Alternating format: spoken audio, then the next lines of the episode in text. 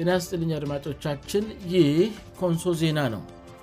አሁን የዕለቱን አንኳር ዜና የምናቀርብበት ጊዜ ላይ ደርሰናል ዜናውን የማቀርብላችሁ የአቬሎናትይነኝ አብራችሁኑ ኑ አርስት ዜናዎቹን በማስቀደም የዕለተ አብ ታይሳስ 14 ቀን 2015 ዓም አንኳር ዜናዎችን ያሰማለሁ በኮንሶ ዞን የኤሌክትሪክ ኃይል መቆጣጠሪያ መስመር ተመርቆ መከፈቱ ተገለጸ የፈደራል መንግሥትና የህወሀት አመራሮች በአንድ ሳምንት ጊዜ ውስጥ መቀሌ ላይ የተገናኝተው ይመክራሉ ተባለ በእስራኤል የተሠራው በራሪ ተሽከርካሪ የበረራ ሙከራ አደረገ አሁን ዜናውን በዝርዝር አሰማለሁ በኮንሶ ዞን የኤሌክትሪክ ኃይል መቆጣጠሪያ መስመር ተመርቆ መከፈቱ ተገለጸ በኮንሶ ዞን የመብራት ችግር ኅብረተሰቡ ለዓመታት ቅሬታ ከሚያቀርብባቸው አገልግሎቶች አንዱ መሆኑ የሚታወቅ ሲሆን በወር መብራት ከሚበራባቸው ቀናት ይልቅ የማይበራባቸው ቀናት እንደሚበዙ በየጊዜው ከማኅበረሰቡ ከሚቀርቡ ቅሬታዎች ለማወቅ ተችሏል ይህም ህብረተሰቡን ና በዞኑ የሚገኙ ተቋማትን ለከፍተኛ ክሳራ ስዳድርግ ኖረዋል ከዚህም የተነሳ የመብራት አገልግሎት የሚፈልጉ እንደ ባንክ ቤቶች እና ሌሎችም አነስተኛ ኢንዱስትሪዎች ጀኔሬተርን ለመጠቀም በመገደዳቸው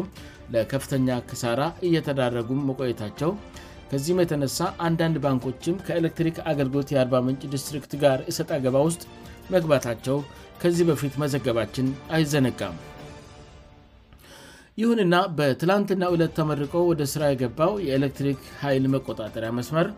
የመብራት መቆራረጡን ችግር ይቀርፋል ተብሎ በብዙዎች ዘንድ ተስፋ የተጣለበት ሆነዋል ይህ አዲስ የኤሌክትሪክ ኃይል መስመር ከዚህ በፊት ለመብራት መቆራረጡ እንደ ዋነኛ ምክንያት ሲገለጽ የነበረውን የብዙ አካባቢዎች የኤሌክትሪክ መስመር አንድ ላይ መሆን ችግርን የቀረፈ መሆኑን የ40ውንጭ ዲስትሪክት የኤሌክትሪክ አገልግሎት ኃላፊዎችን ጥቅሶ የኮንሶ ዞን የመንግሥት ኮሚኒኬሽን አስታውቋል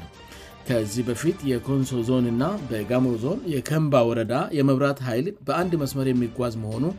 ለተደጋጋሚ የመብራት መቆራረት ችግር እንደ ምክንያትነት ሲጠቀስ ኖሯል ይህንን ችግር ለመቅረፍ የኢትዮጵያ የኤሌክትሪክ ኃይል አገልግሎት የ40 ምንጭ ዲስትሪክት ጽፈት ቤት በራሱ አቅም 42 ሚሊዮን ብር ውጪ የኮንሶ ዞንእና የከንባ ወረዳን የመብራት ኃይል መስመሮች የመለየስ ሥራ መሥራቱ ተገልጿል በመረቃ ፕሮግራሙ ላይ ተገኝተው ንግግር ያደረጉት የካረት ከተማ ከንትባ አስተዳደር አቶ ፍሬዘር ኮርባይዶ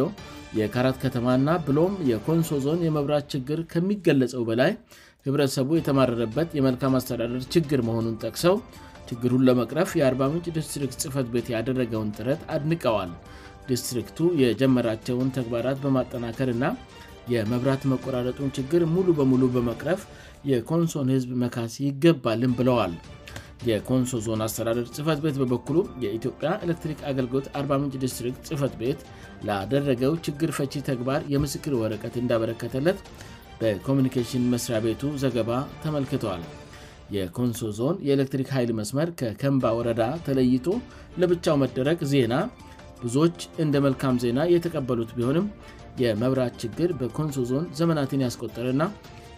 በአንዳንድ ተቃውማት መካከል ውዝግቦችን ያስከተል እንደመሆኑ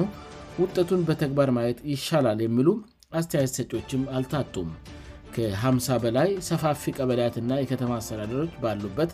የኮንሶ ዞን የመብራት ጉዳይ ገና ብዙ መጠን ያለበት ጉዳይ መሆኑን ጠቅሰው የመብራት ዝርጋታ ጉዳይ ምኑም እንዳልተነካ በመግለጽ አስተያየታቸውን የሰጡ ወገኖችም አሉ እንደ ደቡብ ሬዲዮእና ቴሌቪዥን ዘገባ በመላው የደቡብ ብሔር ብሔረሰቦችና ህዝቦች ክልል የኤሌክትሪክ ሽፋን 42በመ0 ብቻ ሲሆን ከዚህ ሽፋንም ከግማሽ በላይ መስመሮቹ ያረጁና የተበላሹ ናቸው ተብለል ይህ ኮንሶ ዜና ነው የፈደራል መንግስትና የህወሃት አመራሮች በአንድ ሳምንት ጊዜ ውስጥ መቀሌ ላይ ተገናኝተው ይመክራሉ ተባለ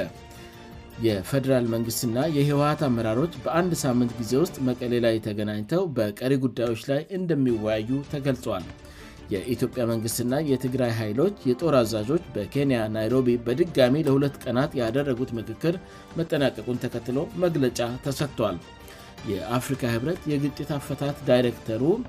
አልሃጂ ሰጂብ የሁለት ቀናቱ ምክክር በደቡብ አፍሪካ የተደረሰውን የሰላም ስምምነትና በናይሮቢ የተፈረመውን የማስፈጸሚያ ሰነድ መረት ማውረድ በሚያስችሉ ጉዳዮች ላይ ትኩረት አድርጓል ብለዋል የስምምነቱን ተፈጻምነት የሚከታተለው የአፍሪካ ህብረት የታዛቢዎች ቡድንም ስራውን ያለምንም ጫና እንዲያከናውን በምረዱ ነጥቦች ላይ ውይይት መደረጉንም አብራርተዋል የትግራይ ኃይሎች ትጥቅ የሚፈቱበት ወደ ካምፕ ገብተውና ስልጠና ውስደው ዳግም ወደ ማህበረሰቡ የሚቀላቀሉበት ሁኔታ ላይም የጦር አዛዦቹ መምከራቸውን ነው ዳይሬክተሩ ያነሱት የቀድሞው የኬንያ ፕሬዝደንት ሁሩ ኬንያታም በመግለጫው ላይ የአፍሪካ ህብረት የታዛቢ ቡድን በሰላም ስምምነቱ የተጠቀሱ ነጥቦች ተፈጻምነታቸውን ለማረጋገጥ በጥቂት ቀናት ውስጥ መቀለ ይገባል ብለዋል ሁለቱም ወገኖች ለስምምነቱ ተፈጻምነት ያሳዩትን ትብብር ያደነቁት ሁሩ ኬንያታ በትግራይ ብሎም በኢትዮጵያ ዘላቂ ሰላም ለማስፈን ብዙ ተስፋ የተጣለበት ስምምነት የሚታዩ ለውጦችን ማምጣቱን አብራርተዋል ከጋዜጠኞች ለቀረበላቸው ጥያቄዎችም ምላሽ ሰጥተዋል ቀዳሚው የተነሳው ጥያቄ የእርትራ ወታደሮች ከኢትዮጵያ አለመውጣት የትጥቅ ማስፈታቱን ሂደት አላወከም ወይ የአፍሪካ ህብረት ታዛቢ ቡድንስ ይህን ይከታተላል እኔ የምል ነው ኬንያታ ሲመልሱ በናይሮቢው ስምምነት ሁለቱም ወገኖች የተስማሙበትን ሁሉም የውጭ ኃይሎች ከትግራይ የማስወጣት ሂደት ኅብረቱ ይከታተላል ብለዋል ከሰብአዊ ድጋፍ ጋር በተያያዘ ለቀረበላቸው ጥያቄም የሰብዊ ድጋፍ እየቀረበ ነው እንደ ውሃ ኤሌክትሪክ የባንክና የቴለፎን ያሉ መሠረታዊ አገልግሎቶችም እንዲጀምሩ መደረጉ በጎ ጅምር ነው የሚል ምላሽ ሰጥተዋል የህብረቱ ታዛቢ ቡድንም በስምምነቱ መሠረት የሰብዊ ድጋፎች ያለምንም ገደብ መድረሳቸውን እንደሚቆጣጠሩ ነው ያነሱት በመጪዎቹ ቀናት መቀለ የሚገባው የታዛቢ ቡድን ያለምንም ችግር ስራውን መከወን እንድችል ሁለቱም ወገኖች ትብብር እንዲያደርጉም ጠይቀዋል በደቡብ አፍሪካ የተደረሰው ግጭት የማቆምና ዘላቂ ሰላም የማስፈን ስምምነት ሁለት ወራት ሞልቶታል የስምምነቱ ማስፈጸሚያ ሰነድ በኬንያ ናይሮቢ ከተፈረመም ሰነባብቷል ይሁን እንጂ በናይሮቢ የስምምነቱ ማስፈጸሚያ ሰነድ የተቀመጡ ነጥቦች አፈፃፀም መጓተት ታይቶባቸዋል በስምምነቱ አፈፃፀም ላይ አንዱ በአንዱ ላይ ጣስ ሲቀሳሰሩም ታይቷል በእርዳታ አቅርቦት ላይ መሻሻል መታየቱና በትግራይ ክልል በርካታ አካባቢዎች መሠረታዊ አገልግሎቶች እየጀመሩ ቢሆንም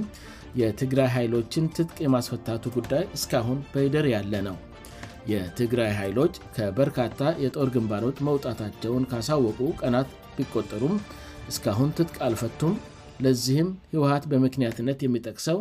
የእርትራ ሰራዊት ከትግራይ አልወጣም የሚል ነው በዚህም የፈደራሉ መንግስት ለስምምነቱ ተፈፃሚነት ሙሉ በሙሉ ተባባሪ አይደለም የሚል ወቀሳ የትግራይ ክልልን ከሚያሰዳደረው ህወሀት ይደመጣል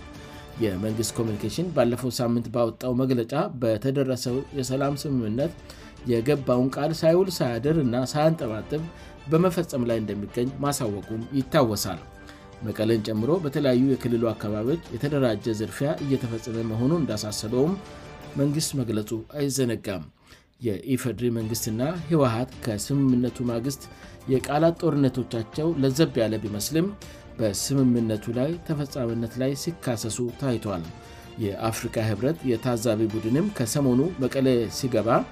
የስምምነቱን ተፈጻምነት እያወከ ያለው አካል ለይቶ የመፍትሄ አቅጣጫ ያስቀምጣል ተብሎ ይጠበቃል ይህ ኮንሱ ዜና ነው በመጨረሻም በኢስራኤል የተሠራው በራሪ ተሽከርካሪ የበረራ ሙከራ አደረገ በእስራኤል የተሠራው በራሪ ኤሌክትሮኒክስ ተሽከርካሪ ሙከራ ማድረጉ ተነግሯል aአiአr በተሰኘ የቴክኖሎጂ ኩባንያ የተሠራችው አውሮፕላን ያለ ሰው ነው የበረራ ሙከራዋን ያደረገችው በሰዓት 160 ኪሜ የመጓዝ አቅም ያላት ተሽከርካሪዋ በ366 ሜትር ከፍታ ትጓዝለች ተብሏል ሁለት ሰዎችን የመያዝ አቅም ያለው አውሮፕላን አንድ መንገደኛ ና አንድ ተቆጣጣሪ ባለሙያን ጨምሮ በአንድ ጊዜ ቻርጅ ተደርጋ 160 ኪሎሜትሮችን መጓዝ ይችላል ተብሏል የኩባንያው ሥራ አስፈፃሜ ራኒ ፕላውት እንደምሉት በራሪት ተሽከርካሪው በቀጣይ በሰዎች ተሞክራ በ224 ለገቢያ ትውላለች ነገር ግን ሰዎች በዚህ አነተኛ አውሮፕላን የመጓዝ እምነት እንዲኖራቸው የማድረግና የህግ ማዕቀፎችን የማዘጋጀት ሥራ ጊዜ ሊወስድ እንደሚችልም አንስተዋል በትራፊክ መጨናነቅ ምክንያት የሚፈጠር የትራንስፖርት ችግርን ይቀርፋል የተባለችው በራሪ ተሽከርካሪ በ150ዶ ለገበያ እንደሚቀዱን ተገልጿል በድሮን ቴክኖሎጂ ፈርቀዳጅ ስራን እየከወነች ያለችው ትላብብ ከተማ የቴክኖሎጂ ኩባንያዎችን እያአበረታታ ትገኛለች በግል ኩባንያ የተሰራችውን አውሮፕላን በብዛት አምርቶ አጫጭር ጉዞዎችን በተመጣጣኝ ዋጋ ለማቅረብ እና በሽያጭ የውጭ ምንዛሪንም ለማግኘት ከተማዋ የተለያዩ ድጋፎችን በማድረግ ላይ መሆኗን ሮይተርስ እዘግቧል ይህ ኮንሶ ዜና ነው አድማጮቻችን ዜናውን ከማብቃቴ በፊት አርስ ዜናዎቹን በድጋሚ አሰማለም በኮንሶ ዞን የኤሌክትሪክ ኃይል መቆጣጠሪያ መስመር ተመርቆ መከፈቱ ተገለጸ የፈዴራል መንግሥትና የህወሀት አመራሮች በአንድ ሳምንት ጊዜ ውስጥ መቀሌ ላይ ተገናኝተው ይመክራሉ ተባለ በእስራኤል የተሠራው በራሊ ተሽከርካሪ የበረራ ሙከራ አደረገ ዜናው በዚህ አበቃ አድማጮቻችን የዕለቱ አንኳር ዜናዎቻችን ይህን ይመስሉ ነበር ስላዳመጣችሁን እናመሰግናለን ከንሶ ዜና በቀጣይም በተመሳሳይ ዝግጅት እንደሚጠብቁ ተስፋ ያደርጋል እስከዚያው በደና ቆዩን